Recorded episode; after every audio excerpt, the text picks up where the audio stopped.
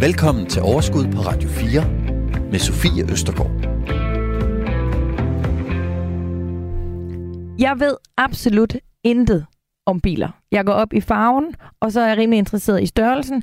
Og så har jeg faktisk også lyst til snart at skifte min benzinbil ud med en øh, elbil. Men jeg er også af den opfattelse, at det måske ikke er det rigtige tidspunkt, og at vi måske stadig er sådan lidt øh, for tidligt på den. Måske er der nogle børnesygdomme, som ikke helt er, øh, som vi ikke helt har fundet ud af at takle endnu. Men måske er det også bare min fordom, og måske skal jeg bare komme i gang med øh, en, en elbil. I dag der får vi styr på, om man skal lease, eje, lege, øh, abonnere, øh, eller en af de andre muligheder, der er. Og vi finder også ud af, hvad forskellen er på en elbil, og på en diesel, og på en benzin, og hybrid, plug-in. Altså, der er simpelthen så mange øh, navne og begreber i den her øh, jungle øh, af biler. Og øh, alt det, det får vi øh, styr på i dag, hvor vi også lige tager et kig på øh, brugtbilmarkedet, fordi måske er det også der, vi skal kigge hen. Og er det overhovedet muligt at købe en brugt elbil endnu? Det er sådan en ting, du får svar på i dette afsnit af Overskud. Velkommen. Du lytter til Radio 4. Og heldigvis så lytter du også lige om et øjeblik øh, til øh, min gæst, som jeg er så heldig at have i studiet i dag, øh, Ilias Dokro. Velkommen til. Tak.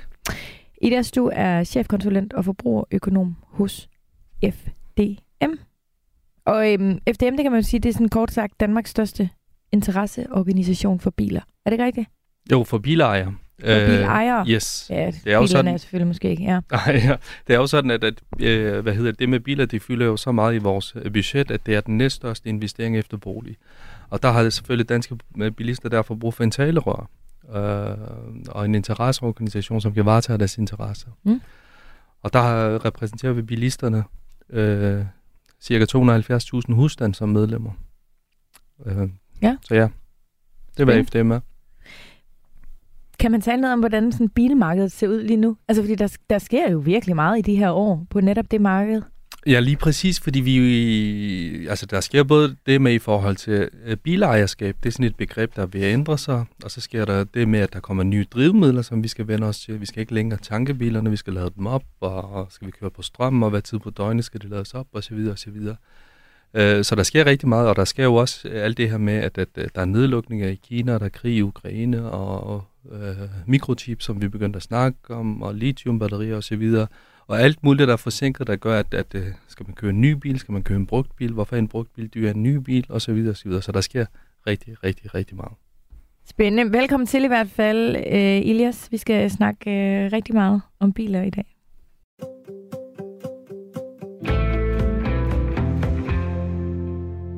Jeg synes, vi skal starte sådan helt fra bunden af. Og så skal vi øh, tale om, hvad, øh, hvad man har af muligheder, hvis man står og tænker, at man skal ud og anskaffe sig en bil. Hvad enten det så er, at man har haft en tidligere, eller man ikke har haft en.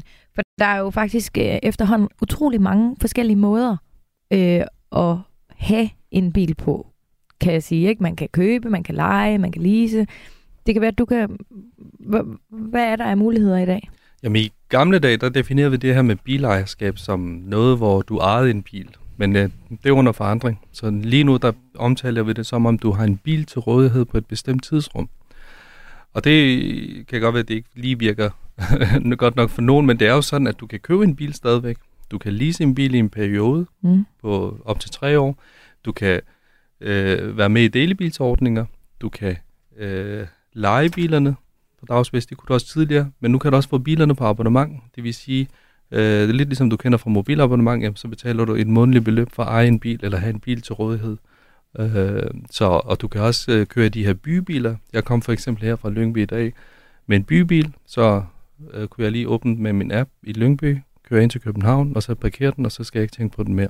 Indtil jeg skal hjem, så skal jeg finde en ny bil. Eller det offentlige transport, ikke alt efter, hvad der passer bedst. Ja. ja. Så du har efterhånden rigtig mange muligheder for, for, for at eje en bil og, og, og, og have en bil til rådighed. Ikke? Og det er rigtig vigtigt, fordi for nogen, i nogens hverdag, der passer det rigtig godt med at købe en bil og, og have den samme bil i mange år. Og i andres hverdag, der er man villig til at skifte lidt oftere. Øh, og så kan det godt være, at man ikke lige ved, hvor, hvor man står hen i sit liv om tre år, så vil man gerne lease en bil i mellemtiden. Og det kan også godt være, at man er bekymret for det der, om de elbiler, om jeg skal købe den nu eller senere. Og hvad sker der med værditabet? Jamen, så kan det godt være, at man skal lige hoppe med på leasingvogn. Og er man glad for at skifte biler ret ofte, altså vil man gøre en SUV om vinteren og en cabriolet om sommeren, jamen, så kan man få ind på abonnement. Okay, så hvis vi prøver at skære det ned, så fordelen ved at eje, hvad er det? jamen det er så din bil. Og, og, og, og, det, og det grundlæggende fordel i forhold til de andre, det er, at du kender, altså det er den billigste form at, at, at eje en bil, hvis du har den i lang tid. Man siger jo, at skældelinje mellem leasing og, og, og køb, det er sådan typisk øh, mellem 3 og 4 år. Ikke? Hvis, du ejer, hvis du ved, at du vil eje den samme bil i mere end 3 år, jamen, så er det en god idé at købe den. Okay. Øhm, hvad er så ulempen ved at eje? Jamen, det er, at øh, du er ikke særlig fleksibel. Og hvis du lige pludselig beslutter for, at du skal skifte bil om to år, jamen, øh, så kan det godt være, at du står med et stort værditab. Det er jo sådan, at, at øh, hvis du køber en bil og ikke har planlagt at få børn, og du lige pludselig får børn, så kan det godt være, at du skal skifte til en større bil. Mm. Og der er det her med bilkøb, det er måske ikke særlig fleksibelt. Ja. En anden fordel, for lige at hoppe tilbage til det, er jo selvfølgelig også, at den står der. Du kan bruge den 24-7 alle årets dage, øh, og ikke afhængig af, øh, om andre bruger den, eller om du først skal ud og finde en, eller et eller andet, som vi kommer til i nogle af de andre. Ikke? Ja, lige præcis. Ja. ja. Okay, så er der øh, lease. Lad os tage den. Hvad er fordelen ved at lease?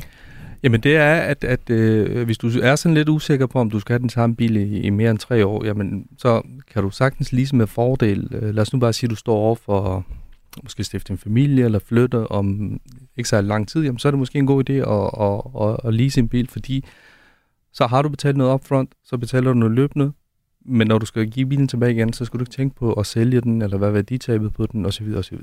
Du er lidt ligesom fri for det, ikke? Mm. Øh, det, der er fordel eller ulempen ved leasing, det er, at du er minimum bundet i 11 måneder, men du har typisk en aftale på 36 måneder. Og det kan man både se som fordel og ulempe, alt efter hvilken situation man står i. Men det er jo stadig dig, der kører den.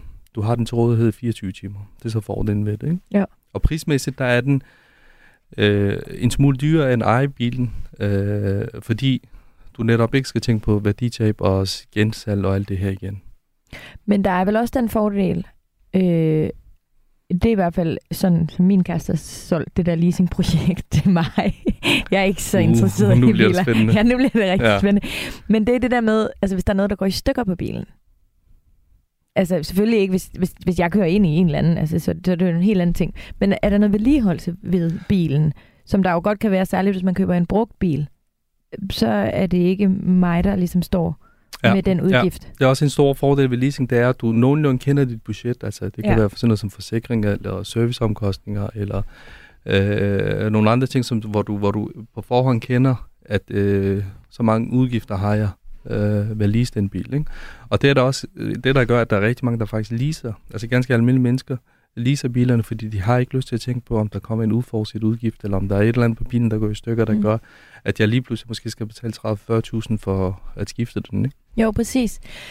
Øhm, hvis man skal vælge mellem lease og købe, er det så relevant at kigge på, hvor meget man kører?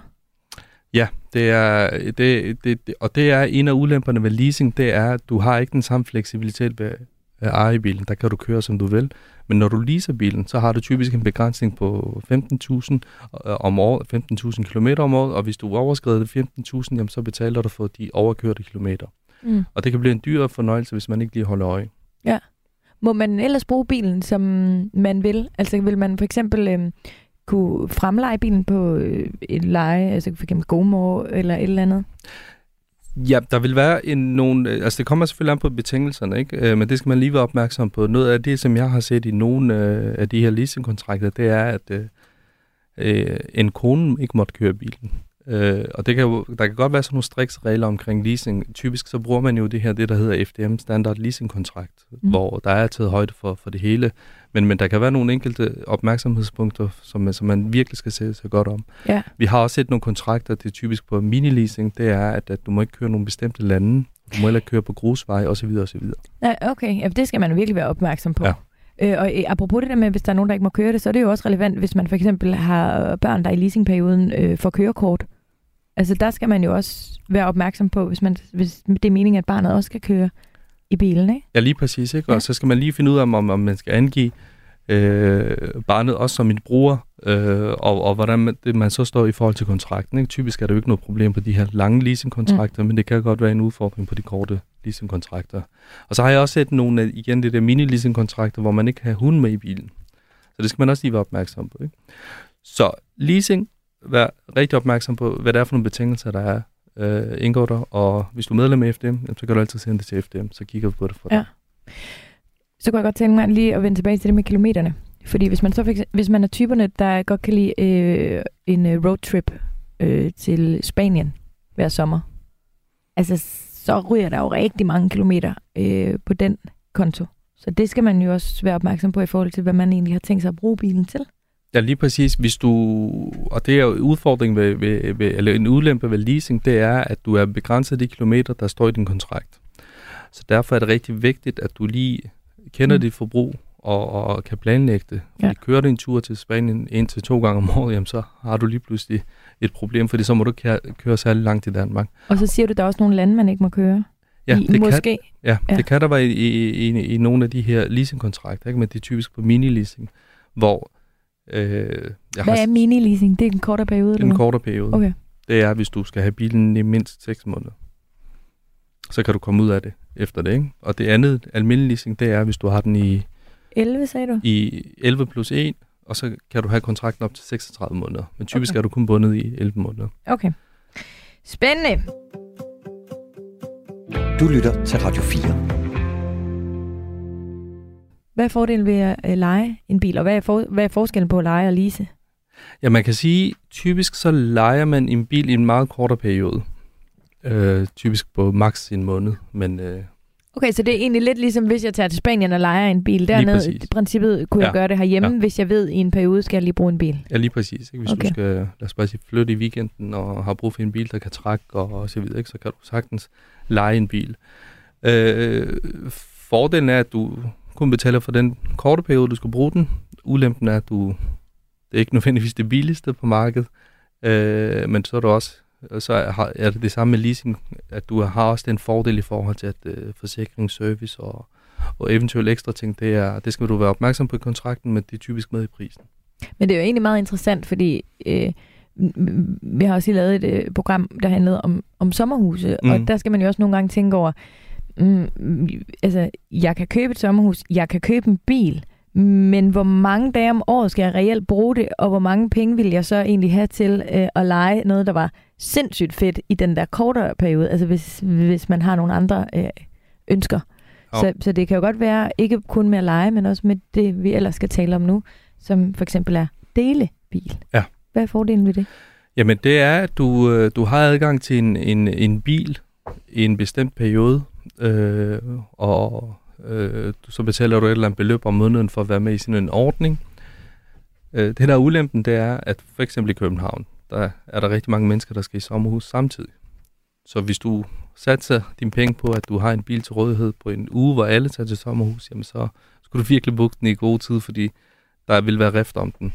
Øh, så typisk er, det, er der jo mange, der fravælger den ordning, fordi der ikke er så mange biler til rådighed. Øh, men ellers er det jo fantastisk, ind, hvis man har grøn omstilling og, og alt det her deleøkonomi-tankerne, Ja. ja. at du så har mulighed for at, at dele bil med nogle andre. Og findes det både, altså med, øh, fordi det jeg føler, du taler om nu, det er at dele det med nogle andre, som du ikke kender. Lidt ligesom dig, der har taget en i dag fra Lyngby, og nu aner du ikke, hvem der kører rundt i bilen. Men er det også en mulighed at gøre det, for eksempel, hvis man har nogle... Altså hvis man er tre vennepar på en vej, for eksempel. Ja. Vi skal lige skelne mellem dem, fordi der er det, der hedder delebilsordning, som er typisk sådan en, at, at du bor i et for, bofællesskab, så har I en bil sammen, Mm. mm. eller vennepar, og, og så videre, hvor I bruger øh, den samme bil. Det er, er der både nogen, hvor du kan gøre privat, men der findes også for eksempel det, der hedder Let's Go, som du kan bruge. Og så er det det, der hedder bybilerne. Det er typisk, at du kan parkere bilerne inden for nogle bestemte zoner. For eksempel så har vi en lille hotspot i Lyngby, der kan jeg tage bilen, så kører den til hele København, og så afleverer den et eller andet sted i København. Og når jeg skal bruge en bil igen, jamen, så finder jeg ind i i København, og så kører den måske til et sted, hvor der er hotspot. Men jeg kan ikke bare parkere den i, lad os bare sige, Ishøj eller... Okay, I- så det er ikke ligesom det, vi kendte med løbehjulene dengang? Nej, lige præcis. Okay. Så, så du, du, du har en, en, en bil til rådighed, men du skal lige huske at aflevere et sted, hvor, hvor, hvor du må. Du kan ikke bare aflevere den hvor som helst. Og det er jo så Københavner øh, ting, det her. Det kan man jo ikke i hele landet. Nej, og det er stille og roligt ved at blive udbredt. Ikke? Jeg tror også, Aarhus har det, og, og mange europæiske byer har det også. Og vi har det, der hedder Green Mobility, som øh, er en dansk virksomhed, som udbreder sig i hele Mm. Europa også. Og så er der det, der hedder ShareNow, som øh, har været i København i lang tid. Ikke? Så det, der er nogle forskellige formater for, for delebilsordninger, skråtstreg, øh, bybilsordninger, som du kan gøre brug af. Og hvad så, hvis man ikke bor øh, i eller lige omkring en af de større byer? Er der så stadig mulighed for sådan noget delebil, det der, Ja, så er der måske mulighed for delebilsordning.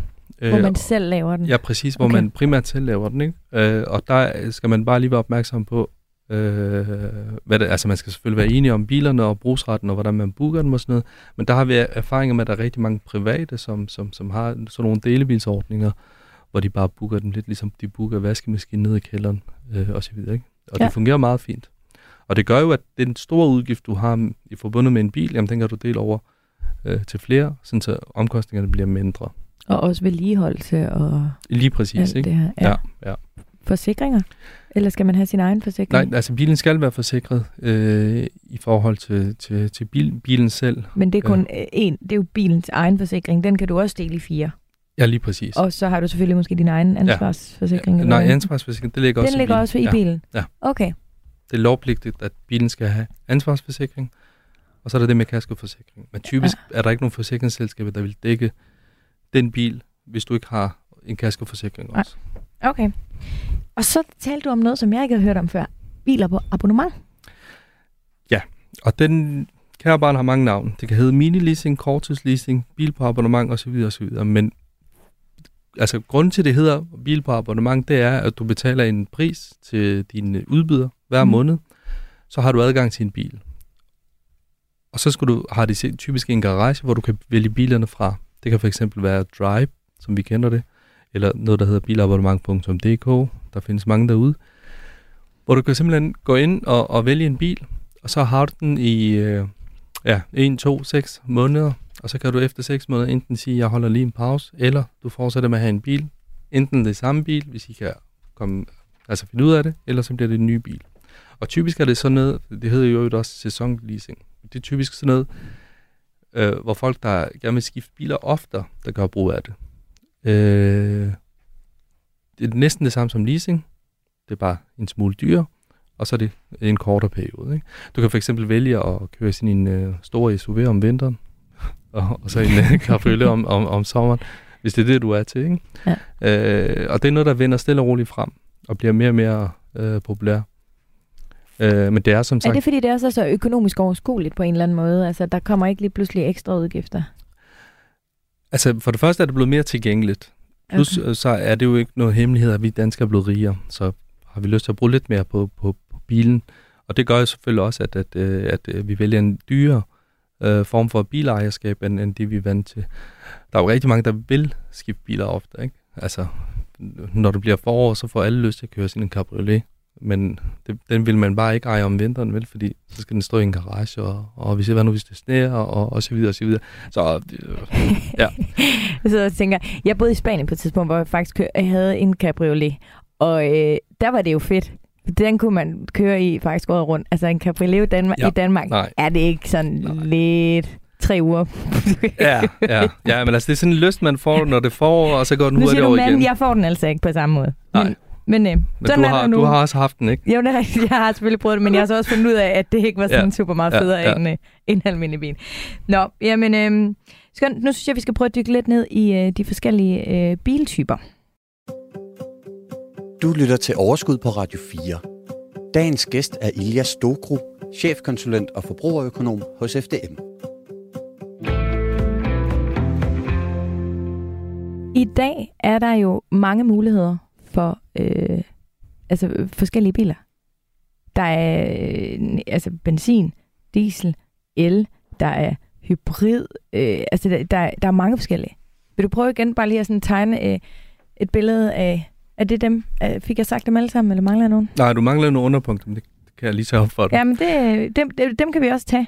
Lad os, øh, lad os tage den øh, sådan lige, der er benzin og diesel. Ja, de kender vi jo godt fra de gode gamle Ja. dage, ikke? Altså, hvis du skulle ind til bilforhandler, jamen, så vil han svare, at du er interesseret i en benzin eller diesel, og Og hvornår skal man svare hvad? Ja, og dengang var det sådan, at hvis du havde meget lange ture, hvor du kørte meget på motorvejen, jamen, så kunne du godt betale sig med en diesel. Men og- der var dieselen også billigere. Var den ikke Ja, det? Når, det var- Altså når man skulle tanke? Ja, den var både den var billigere, altså dieselbilen var dyr i indkøb, men selve dieselen var billigere. Men til gengæld så betaler du sådan noget, der hedder udligningsafgift, som mm. skulle udligne den forskel, der er og på tankstationen Ja. afgiftsmæssigt. Men den er så blevet udhulet nu, fordi selve dieselprisen er blevet så dyr. Så det med diesel, det er ikke billigere i længden.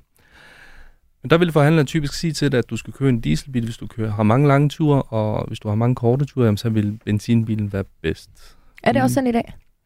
Det er det stadigvæk, men der er jo kommet nogle alternativer. Ja. Fordi er det, ikke, er det ikke lige før, man har det sådan lidt diesel, benzin? Altså det er lige før, man sådan nærmest kan mærke sådan lidt rap over fingrene, eller altså med den grønne omstilling.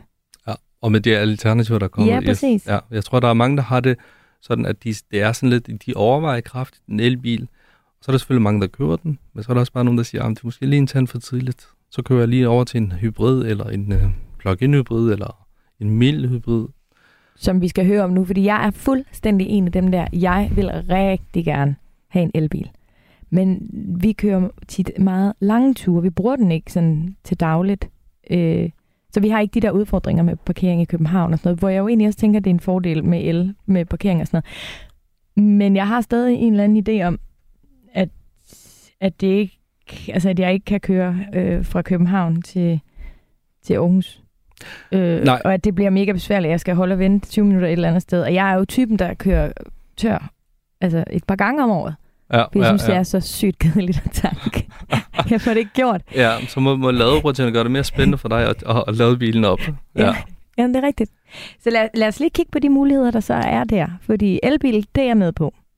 Det, det tror jeg, vi alle sammen efterhånden ja. har styr på. Hvis jeg lige må sætte en sløjfe på det andet der. Meget gerne. Dieselbilen er jo blevet meget, meget, meget dyrere at eje, så den er også blevet mindre attraktiv for danskerne, og bilsalget viser også, at øh, det med, med dieselbiler, de fylder mindre og mindre nybilsalget. Og det var jo sådan et politisk ønske, man havde, ikke? Så, det- så på den måde er det lykkedes for dem. Yes. Ja. Og benzinbilerne, jamen, øh, det er jo stadig et godt alternativ til elbilen og plug-in hybriden.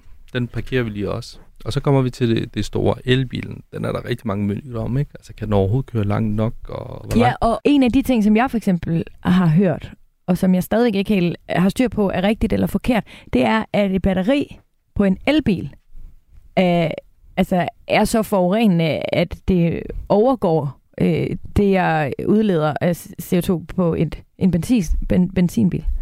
Det er rigtigt, at øh, produktionen af elbilsbatteri er stærkt forurenende. Det er der ingen tvivl om. Og derfor, når, hvis du har en elbil, en helt ny elbil og en ny benzinbil, som skal køre ud på vejen, hvis du kigger på deres CO2-regnskab, jamen, så har elbilen til at starte med udladt meget mere CO2.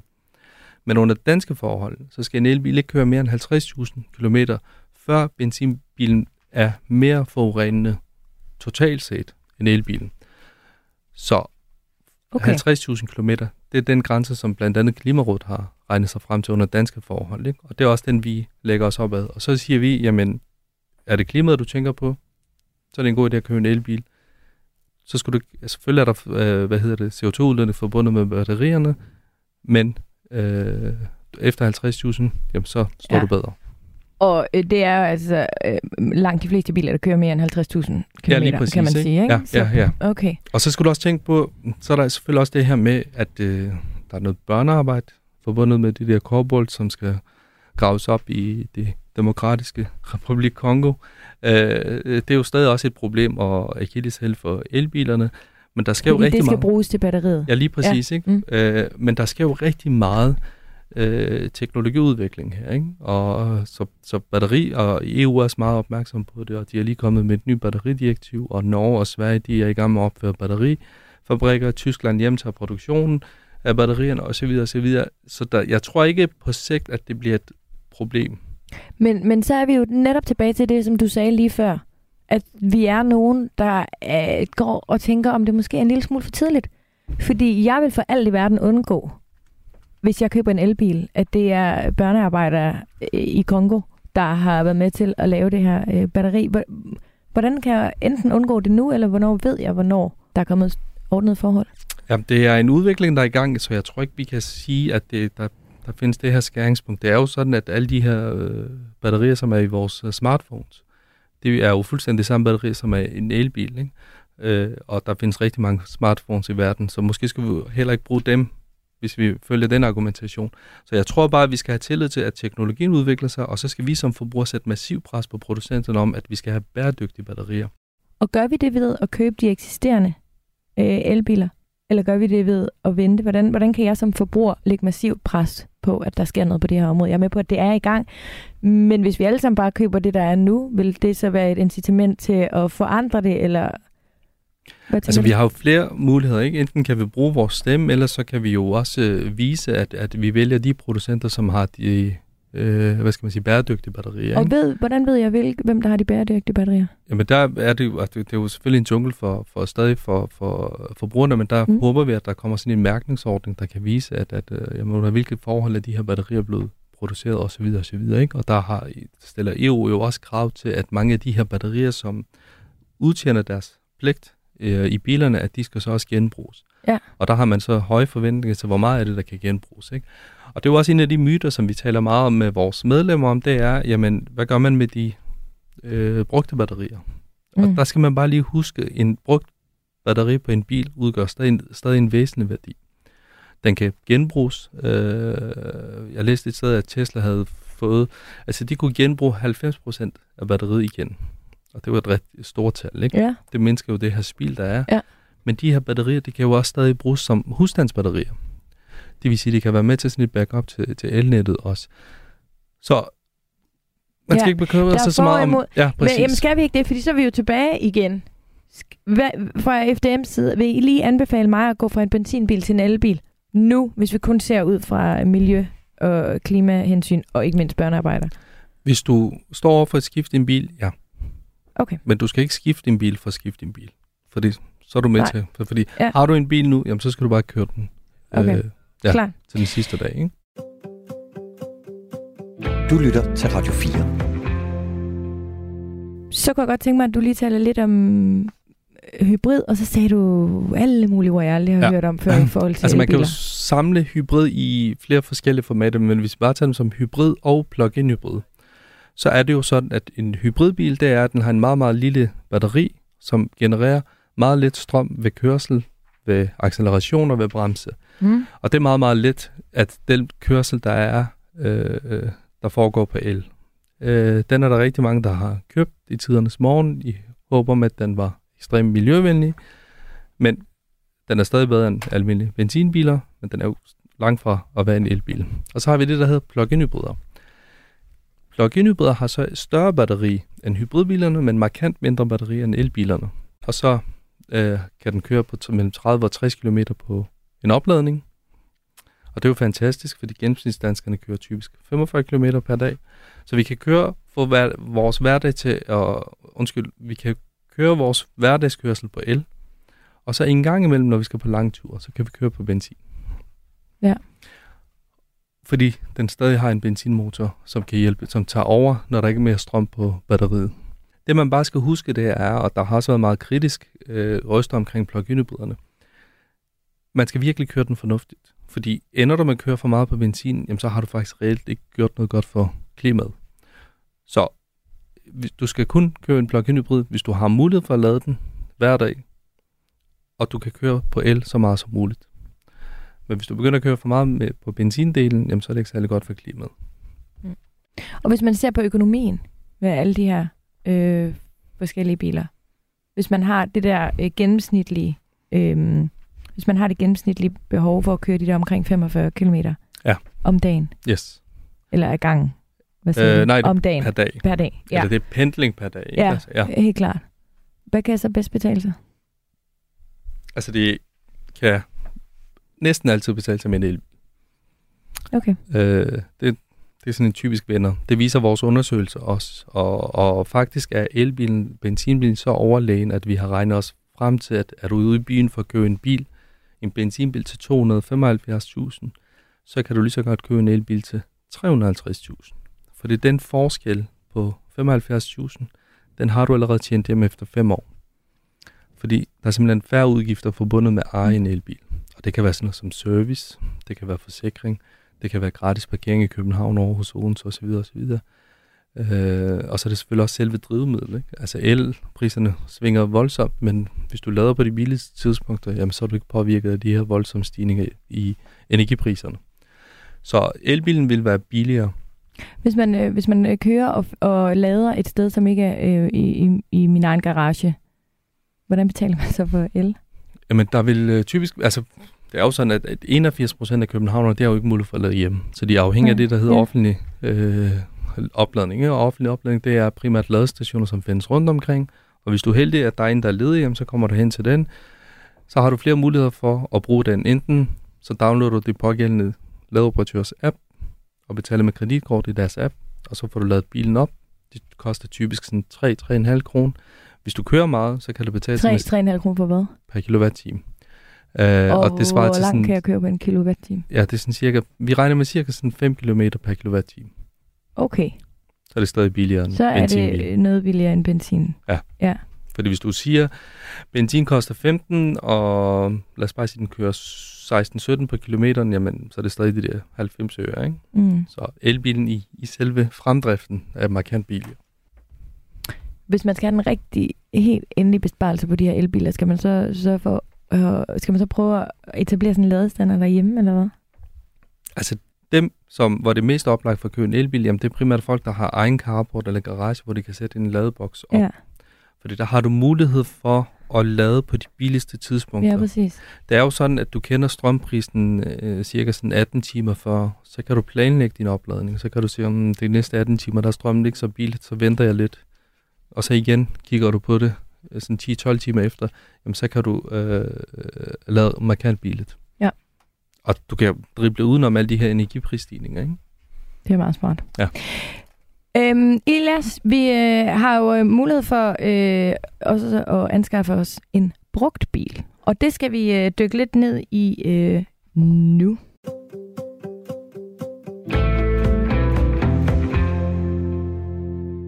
I den forbindelse, der har jeg kontakt til øh, dig. Jan Lang, er du der? Det er jeg. Hej Jan, dejligt, Hej. du kunne være med. Du er markedsanalytiker øh, fra Bilbasen. Ja. Jan, bliver der solgt øh, mange brugte biler i Danmark? Det gør der. Det er faktisk øh, et fuldstændig vildt år i forhold til øh, brugtbilsalget. Det var det også i 2021, og så troede man, at øh, rekorden var sat. Men de første tre måneder af 2022, der er der faktisk blevet solgt flere brugte biler i Danmark, end der gjorde i rekordet 2021. Øh, hvis vi sådan lige kigger på det sådan overordnede tal, så blev der foretaget 111.000 salg af brugte biler i de første tre måneder 2022, og det er 2.000 flere end de første tre måneder 2021. Så der bliver solgt rigtig mange øh, brugte biler. Og hvis vi sådan sætter det i et andet perspektiv, så for hver gang, at der bliver solgt en ny bil til en privat dansk bilkøber, så bliver der altså solgt 4,8 brugte biler til en privat dansk bilkøber. Så der er gang i den. Altså, nu er det jo oplagt altså, i mit hoved at tænke, at det har haft noget med corona og nedlukning og og sådan noget at gøre. Men, men hvor, hvorfor tror du, det er sted her i 2022? Jamen, det er fuldstændig rigtigt, at vi så i 2020, da coronaperspektiverne og forholdene var, var særdeles betydende, jamen der, der var det sådan, at øh, der fravalgte man offentlige transportmidler, tog, busser og S-tog, og så valgte man en mindre bil typisk hvis man havde et, et transportbehov, som de normalt løste. Så i 2022, der var der nogle andre forhold, der begyndte at gøre sig gældende. Det kan man sige, det var sådan nogle eftervirkninger af corona. Der har været snakket meget omkring de her lever- leveranceproblemer, der har været flaskehalse rundt omkring. Og det, det begyndte at have en indvirkning på brugtbilmarkedet, således at man ikke kunne få fat på sin nye bil i nogen udstrækning. Der var meget lange leveringstider, og den her utålmodighed, som bilkøberne har for at udskifte bilen, det medførte, at øh, det blev så rekordåret efter et meget stort øh, brugtbilår, som 2020 var. Og den tendens, den ser vi fortsætte her ind i 2022. Hvordan er, hvordan er markedet for brugtbiler nu? Er det sådan ligesom alt muligt andet udbud og efterspørgsel? Altså, kan man så stige priserne på en brugtbil så? Ja, det er et klassisk øh, udbud og efterspørgselsmarked, og det er også det, der er sådan set er udfordringen for brugtbilmarkedet, fordi øh, Øh, vi ser, at, øh, at der er færre brugte biler til salg, end, end der er efterspørgsel efter, og det betyder jo, at helt klassisk, at når, når udbuddet det falder, og efterspørgselen stiger, jamen, så stiger priserne som, som konsekvens heraf. Og hvis vi så lige sætter et perspektiv på det, jamen så i, øh, i hvis vi sådan tager det fra der, hvor efterspørgselen virkelig øh, tager, tager fart, der i marts 2021, og så til og med marts øh, i år, jamen så er prisen på en gennemsnitlig brugt bil, der er øh, op til 8 år gammel, jamen den er steget 18,6 procent, så det er en meget, meget voldsom stigning. Hold da. Ja, og kigger vi så lidt ind i nogle, nogle af de, de rigtig efterspurgte øh, segmenter eller bilklasser, det er mikrobilklassen, det er det her, der kaldes MPV-klassen, altså de her store, fleksible øh, familiebiler, jamen der er de, der er de stedet omkring 30 procent på et år, så det er voldsomme stigninger. Vi har jo øh, nogle øh, øh vidunderlige lytter, der er inde på vores Facebook-gruppe Overskud Radio 4, øh, er gode til at stille spørgsmål. Og øh, der er et spørgsmål fra Lene Kjeldgaard, og hun spørger, øh, hvad kan bedst betale sig på den lange bane? Ny bil eller brugt? Man ved selvfølgelig aldrig, om man har købt katten i sækken med en brugt, hvor der kommer meget service på. Men kan man alligevel sige noget generelt om, hvor gammel en brugt bil øh, må være, altså så man ligesom kan regne øh, med, at den kan køre i en årrække, eller det kommer meget an på stand og kørte kilometer. Det, det gør det helt sikkert. Mm. Altså, den brugte bil, den er jo sådan set brugt lige så snart den kører ud fra forhandleren, og så frem efter. Men øh, hvis vi sådan lige deler det op i sådan nogle øh, aldersklasser, som vi arbejder med, så siger vi, at øh, de nyere brugte biler, de er sådan under to år, og så, så bliver det så mere og mere en brugt bil jo, sådan fra to år op efter. Det vi også ved, det er, at, at danskerne sådan beholder deres brugte biler sådan i gennemsnit omkring fire år, før de skifter dem ud. Og derfor så kan man anskue det i sådan et fireårigt perspektiv. Og op imod den nye bil, så er det jo klart, at øh, risikoen og, og det her omkostningerne til den nye bil, de er, de er mindre til at starte med, altså de her driftsomkostninger, fordi der er ikke så, det er ikke så dyrt i service osv. Typisk så er den nye bil faktisk også ofte mere brændstoføkonomisk. Og, og, og det betyder jo så, at, at det er jo en opvejning, som, som man skal foretage, så det er et rigtig godt spørgsmål, som lytteren stiller. Omvendt, så er den nye bil jo øh, ofte meget dyrere end den brugte bil, så afskrivningen er højere. Og det er også derfor, der er sådan en balance. Det er også derfor, at vi sådan historisk set øh, virkelig har købt brugte biler. Det er fordi, de brugte biler, de bliver ofte købt for ny af virksomheder eksempelvis. Det ved vi, at der er halvdelen af de nye biler, der bliver solgt i Danmark, de bliver købt af virksomheder. De har dem i godt tre år af afgifts, øh, afskrivningstekniske årsager. Så sender de dem ud på brugtbilmarkedet, og så har de tabt under normale forhold omkring 40-50% af deres værdi. Og så er de også relativt velholdte der. Så det er, der, det er på det tidspunkt, at danskerne køber typisk den brugte bil. Det er efter de her tre år, hvor det sådan er aftjente firmabiler, aftjente leasingbiler. Og så skal man så se det sådan i et øh, perspektiv af, hvor, mange, hvor meget koster bilerne så i øh, sådan et, et fireårigt perspektiv, altså det vil sige fire år og 80.000 km kørsel. Og der vil jeg våge den påstand, at øh, der er øh, den brugte bil faktisk et rigtig fint alternativ til en ny bil. Bilerne er meget velholdte, de bliver passet på i Danmark, og vi ved af erfaring, at øh, driftomkostninger, de her øh, totalomkostninger, eller TCO, som det kaldes på engelsk, jamen, de er lavere alt andet lige end på de nye biler. Øh, så så det, det er de der perspektiver på det. Og så er der en anden ting, der er meget vigtigt at forstå. Hvorfor er det, at øh, der lige nu er... Øh, for hver ny bil, der bliver solgt, der er der fire brugte, eller næsten, næsten fem brugte biler, der bliver solgt. Det er jo fordi, øh, en ny bil, den koster cirka 350.000 i gennemsnit. En brugt bil, den koster omkring de her 170-175.000. Og har man ikke 350.000 kroner til en ny bil i den prisklasse, eller den klasse, man gerne vil have, jamen så har man 175.000, og det er, der, det er altså det er en stor budgetforskel. Øh, og så går man altså ud på markedet for at få dækket sine behov, som bilen nu skal opfylde i forhold til plads eksempelvis, eller, eller rækkevidde, som I talte om tidligere osv. Og, og det er altså en af årsagerne til, at, øh, at brugtbilmarkedet er så populært historisk set, og også er det nu i Danmark. Ja, så jeg altid, man har talt om øh, det her med, at, øh, at når man køber en, øh, en ny bil, hvis du bare kører den ud over kantstenen, mm-hmm. så har den tabt enormt meget af sin, øh, af sin værdi. Øh, Ilias, du har en kommentar? Ja, jeg vil gerne lige sige, øh, i forhold til det her med øh, grøn omstilling og elbiler, der er der jo også rigtig mange danskere, som ikke køber bil i den prisklasse, som elbilerne kommer i. Altså typisk kommer de her elbiler i, i nogle prisklasser, der hedder plus 250.000. Og derfor er det også rigtig vigtigt, at der kommer også øh, brugt øh, bilsmarked for, for elbilerne øh, sådan så den mini dansk også har råd til at, at køre en elbil. Mm. Fordi på nuværende tidspunkt har det jo typisk været, at det er danskere, som har de højeste indkomster, som kører i elbilerne. Ja, fordi der ikke er så mange brugte endnu. Øhm, Jan, ved du noget om det? Altså det her øh, brugt bilmarked for elbiler. Altså kommer der flere og flere brugte elbiler Kan man også tænke i at købe en brugt elbil? Det kan man helt sikkert. Jeg vil godt lige give perspektiv på det, Ilja siger, for det er fuldstændig korrekt. Det er således, at vi har spurgt øh, danskerne om deres erhvervelse af biler her de, de seneste år i noget, der hedder Sådan køber danskerne bil, og en anden undersøgelse, som hedder Grønne Bilkøber. Og derfra ved vi, at øh, de, altså, de elbiler, der bliver købt for ny, jamen de koster omkring 350.000. Så, så det er jo en, en udfordring, fordi der er jo rigtig mange danskere, der ikke har 350.000 til at købe en elbil, mm. øh, og dermed bidrage til den grønne omstilling i de perspektiver, det giver. Det er sådan for, for øh, markedet for brugte elbiler, at det er, øh, det er massivt i øjeblikket. Det er det af den årsag. Der er faktisk flere årsager. For det første så øh, har vi set, at der er en stor import af nærmest nye elbiler fra, fra Tyskland.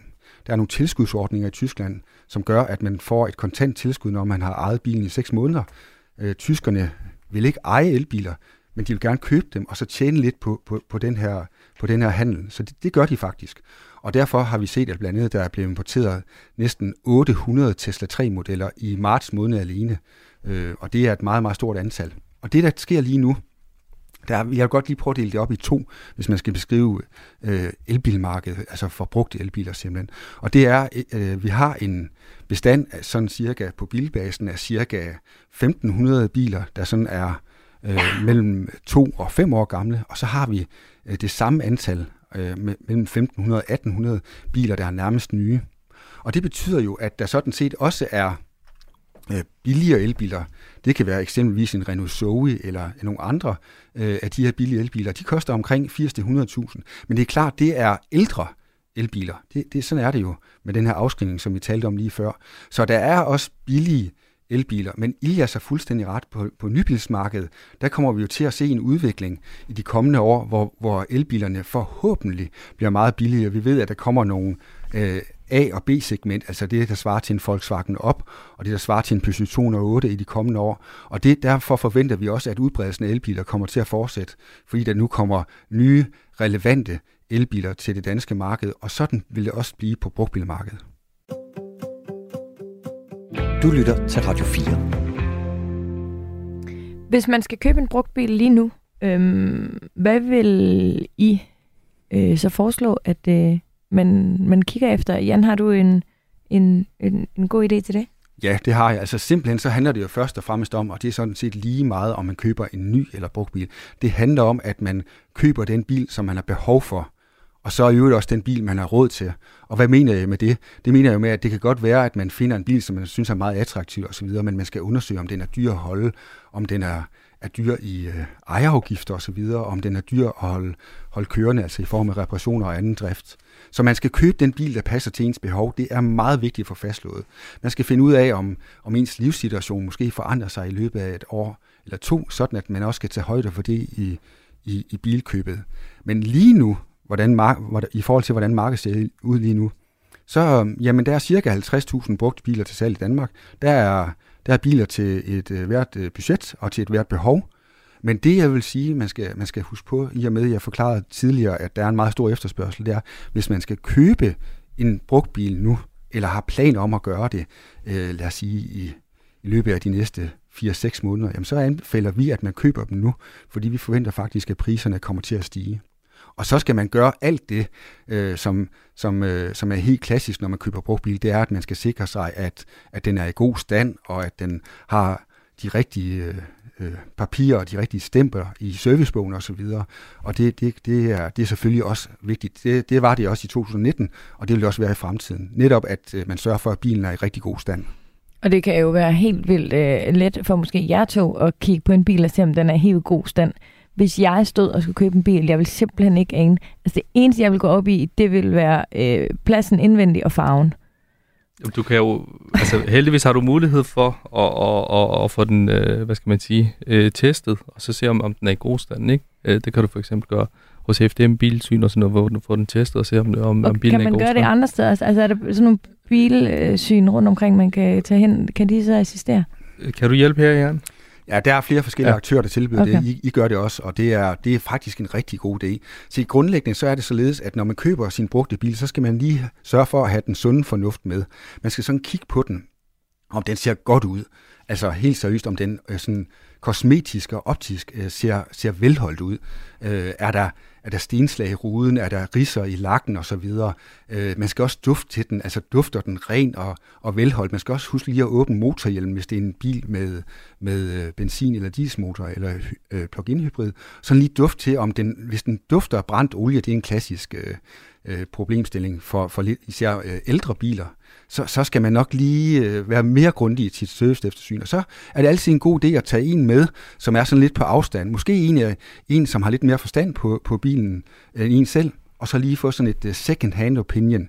Mm. Uh, det er også vigtigt, at man prøver at køre bilen ordentligt. Altså, man skal ikke bare lige køre en tur rundt om blokken, hvor forhandleren bor. Kører man meget på motorvejen, så er det med at få den ud på motorvejen. Og så skal man uh, også lige huske at, at køre den hen over en bum, så man kan mærke, om der er noget med affjedring osv. Alle de her ting, det er jo sådan nogle, det er jo sådan nogle ret tekniske ting, og, og vi ved jo, der er rigtig mange førstegangskøbere, som er usikre på det her med at købe bil. Så er det bare om at alliere sig med øh, den kloge bilonkel i familien, eller en god ven, der har forstand på det. Og er det ikke nok, jamen så synes jeg, man skal køre forbi øh, øh, FDM eller nogle af de her andre øh, værksteder, som, som tilbyder tjek af biler. Og det er altså en rigtig god idé, fordi vi bruger rigtig mange penge på bilen, og der, der er potentielt risiko for, at, øh, at det koster, hvis ikke bilen er i orden. Men når jeg det så er sagt, så vil jeg også lige understrege, at den danske bilkøber i det hele taget har en ekstrem høj, og det ved Ilias også rigtig meget om, har øh, en ekstrem høj forbrugersikkerhed. Der er lange reklamationsforpligtelser for, for forhandlerne og bilsælgerne. Der er rigtig meget, der er, der er rigtig solide garantiordninger osv. Og hvis det, hvis det kommer til tvister, jamen så har vi også et meget effektivt øh, system for, hvordan at de bliver behandlet mellem køber og sælger. Så forbrugersikkerheden grundlæggende er høj, når man køber bil i Danmark. Ilias han står her øh, og nikker. Så kunne jeg faktisk godt tænke mig, at... Øh, ja, Ilias har vi en kommentar. Nej, øh, ikke en kommentar, bare et supplement, fordi jeg er ja. helt enig i det, du siger, Jan. Jeg vil bare lige sige, at, at uh, i forhold til elbil, der kan man selvfølgelig ikke dufte til motoren, som Jan pænt beskrev, men, men der er det selvfølgelig også vigtigt det her med, at, at uh, man mm. sikrer sig, at for eksempel bilen har en varmepumpe, så den er mere energieffektiv, men også bare det her med, at der er jo en opgivet rækkevidde, og som vi kender fra mobil til eller smartphones batterier, jamen så ælder den over tid og mister lidt uh, kapacitet prøv at køre en tur i den, og så se, om, om, om den lever op til dine forventninger. Og lad nu være med at bare køre en kort tur, mm. øh, som jeg også var inde på. Men kør også på, på, på den daglige kørselstype, øh, mønster, du har, så du kan se og, og, og, og vurdere, om, om den lever op til dine forventninger. Ikke? Ja. Så det er rigtig vigtigt, at, at, at øh, der er nogle andre ting, vi skal være opmærksom på, når det handler om elbiler. Men øh, grundlæggende så er der også en masse fællestræk, hvor du går rundt om bilen og ser, om den har fået mange skader, eller om der er et eller andet ved bilen. Ikke? Og aner du ikke en skid, så får nogen til at hjælpe dig, fordi det, det er godt givet ud. Men så kunne jeg godt tænke mig, at vi lige prøver at hoppe om på den anden side. Hvis man nu Øh, øh, køber sig en bil, uanset om man køber den fra ny, eller man køber den øh, allerede brugt, så er, en, øh, så er der, hvis man er hvis man går en lille smule op i sin økonomi, så vil man måske også forsøge øh, at øh, minimere det økonomiske tab den dag, man skal sælge bilen videre. Og det kan man vel lige så godt tænke ind også, øhm, særligt øh, for sådan nogen som mig, der måske ikke har så meget styr på det. Er det så... Øh, så er det, er det så vigtigt, at det er sådan nogle autoriserede forhandlere, man får tjekket hos, og at man øh, der er noget, der hedder syn, øh, som man jo bliver indkaldt til. Øh, af, hvor meget taber en bil i værdi, hvis man for eksempel øh, ryger i den, eller har sin hund. Er der noget rengøring, der også er fint fra starten af, så der ikke er pletter? Jan, ved du noget om det? Hvor, hvor, altså... Ja, altså, det er et rigtig godt spørgsmål. Der, hvor jeg vil starte, det er, øh, der er lige to aspekter i det. For det første, så skal man jo sørge for, at bilen den er i orden, så der ikke kommer de her uforudsete udgifter. Det talte vi om lige før. Men for det andet, hvis man vil sikre sig mod generelt et lavt værditab, en lav, en lav afskrivning, så skal man se på bilen, som om man selv vil købe den, og så skal man sørge for, at den er attraktiv for så mange bilkøbere som muligt, når den gang skal sælges. Og hvad mener jeg med det? Jamen, det skal ikke være en lysrød. Det kan jeg lige så godt sige. Det, det skal det ikke. Det, er, det, er, det, det afskrækker rigtig mange fra at købe bilen, og afholder mange fra at købe bilen i fremtiden. Man skal heller ikke uh, sænke den og sætte 23 tommer øh, fælge på med, med, med sølvglemmer. Det er også noget, som, som, som der er rigtig mange, der ikke bryder sig om. Man skal derimod være re- relativt traditionel. Man skal købe den ene en af de her farver. Det er hvid, det er sort, det er grå, og det lyder lidt kedeligt, men sådan er det. Og faktisk, jo dyrere bil man køber, jo mere konservativ skal man være rundt omkring det her. Så skal man også sørge for, at hvis man virkelig vil have de lave værditab, så, så handler det jo om, som jeg også lige nævnte, med at, øh, med at tiltrække så mange købere en gang ude i fremtiden. Det vil altså sige, at man skal have en bil Øh, eksempelvis en tredørsbil, jamen der er rigtig mange, der har brug for fem døre. Og så, så er det altså, så åbner man for flere købere, og dermed sikrer sig mod et lavt værditab, når bilen skal sælges efter de her 3-4 år, som vi ved, at bilen bliver solgt. Så er det også sådan noget omkring med udstyr. Altså hvis man går lidt efter komfort. Man skal, det er jo faktisk sådan, at biler fås med, med mange forskellige slags komfortniveauer. Og her skal man sådan ligge sig lidt i midten, sådan at øh, eksempelvis øh, at der er aircondition i, det er der nu i rigtig mange biler i dag. Der er de her Apple CarPlay og Android Auto nu her nu i fremtiden, sådan at, at de kan øh, connecte med, med de smartphones, vi har, og, og, og så videre. Og, og det her, det handler jo om, at så, så sikrer man sig for, at øh, de fremtidige bilkøbere, de også synes, at den bil, man har købt, ny eller brugt, at den også er attraktiv. Og ja. det er et fuldstændig centralt råd i forhold til at sikre sig mod et lavt værditab i fremtiden. Den sidste ting, det er, at man skal heller købe en bil, der har øh, 500 hestekræfter.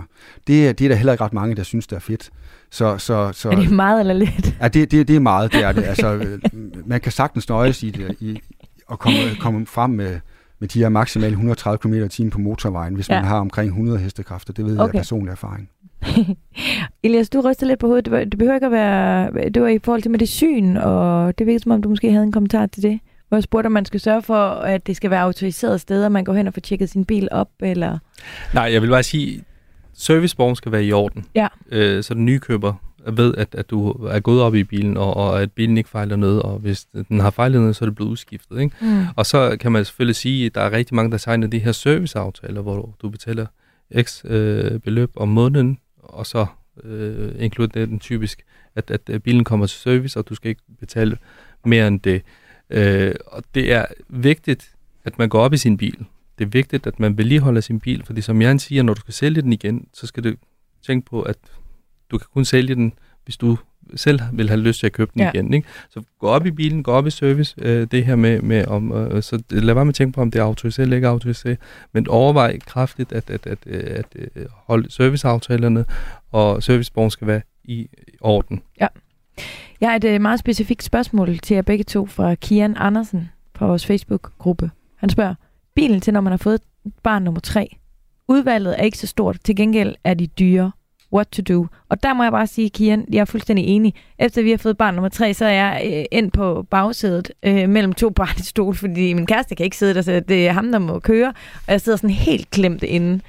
Øh, og vi har egentlig en okay stor bil. Har I øh, et godt råd til Kian? Altså, helt seriøst, så er det faktisk et, øh, et super svært spørgsmål at give sådan et, et tilfredsstillende svar på. Det er således, at de biler, som, som vi taler om, det er jo typisk de her såkaldte MPV-biler. Det, det, det er sådan et amerikansk udtryk, der hedder multipurpose vehicle. Over, oversat på, til dansk, så, så, så er det fleksible familiebiler, altså biler med meget plads. Mm. Og øh, helt seriøst, jamen dem øh, på brugtbilmarkedet, altså der er der cirka 1000 relevante omkring øh, de her, der er under fire år gamle til salg, og de koster en formue. Sådan er det bare. Det er det, Kian siger. Ja, og øh, det man kan gøre, det er jo, så kan man jo kigge lidt ud over de fire år, og, og, og finde de her biler. Det er sådan noget som Ford S-Max, øh, Volkswagen Touran osv. Det er egentlig relativt fornuftige øh, brugte biler. Øh, og, og, og, og de vil så kunne, der vil det kunne være øh, i hvert fald to, og i også nogle tilfælde tre øh, barnestole på, på, på mellemrækken, kan man sige. Mm. Øh, så, er der, så er der nogle alternativer, de er lidt mere interessante. Det er, det er stationcars, den klassiske stationcar. Der er det sådan, at hvis man skal have nogen, der har ordentlig plads, jamen så skal man op i en vis størrelse, altså det, det den klassiske firmabilstørrelse, eller større end det. Og der vil jeg sige, at der er faktisk nogle muligheder øh, på brugtbilmarkedet i forhold til og, og, og slippe lidt billigere, end hvis man vil købe en af de her lidt højere så, øh, til de her familie, eller fleksible familiebiler. Og der vil jeg sige, jamen hvad, hvad for nogle kigger vi på her? Det kan være nogle øh, VW Passat, det kan være nogle, nogle Kia Ceed, det er så i, i mellemklassen, men den har også rigtig meget plads. Og det her får man altså nogle muligheder. Men jeg vil, jeg vil være ærlig at sige, det er begrænset i øjeblikket, fordi markedet er så indsnævret, fordi der er så lille et udbud. Desværre så er det også sådan, at hvis man skal købe bilerne for nye, så koster de rigtig, rigtig mange penge. Øh, så så det, er, det er et problem for, for storfamilierne med at finde de relevante biler i Danmark. Men en gang imellem, så dukker der altså en, en, en firmabil, stationcar op til, til mellem 250 og 300.000, som, som ser fornuftigt ud og, og vil kunne dække det her pladsbehov. Altså, det er et rigtig, rigtig svært spørgsmål, som mm. Jan siger, og jeg gav også spørgsmål videre til Jan, så han kunne tage over, fordi det tænkte jeg, det er nemmere. øh, men jeg vil bare lige tilføje den med, at, at hvis Kian oven i det gerne vil køre grønt, jamen så er hans muligheder endnu færre, fordi det er meget, meget svært med de her øh, hvad hedder det, store biler, elbiler, ikke? Ja. Hvis, du, hvis du gerne vil have en elbil. Så det, det, det, det er ikke nemt. Øh, og der findes heller ikke noget station, som, altså, der findes ikke så mange stationcars, som, som hverken plug-in hybrid eller som elbiler. Så på det punkt, så bliver det endnu sværere. Der får vi rigtig mange henvendelser på folk, der siger, at de venter netop på, at der kommer sådan nogle biler, ikke?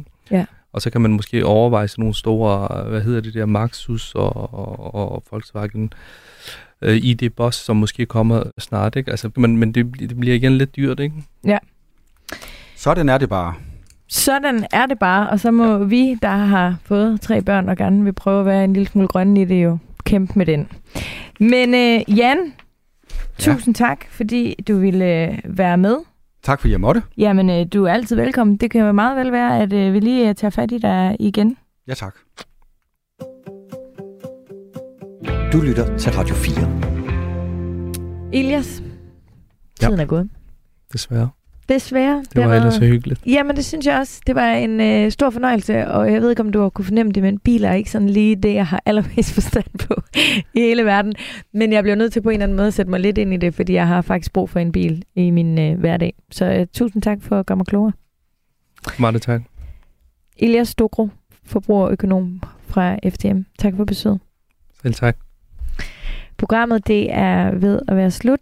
Du skal huske, at vi har et helt bibliotek med utrolig mange afsnit, som handler om meget relevante emner, hvis du ellers går op i din økonomi, hvilket jeg jo synes, du burde gøre, fordi der er faktisk øh, mange steder, man kan optimere, når man først begynder at kigge lidt på det. Programmet her var tilrettelagt af mig selv og af Anders Hermann. Tak for i dag.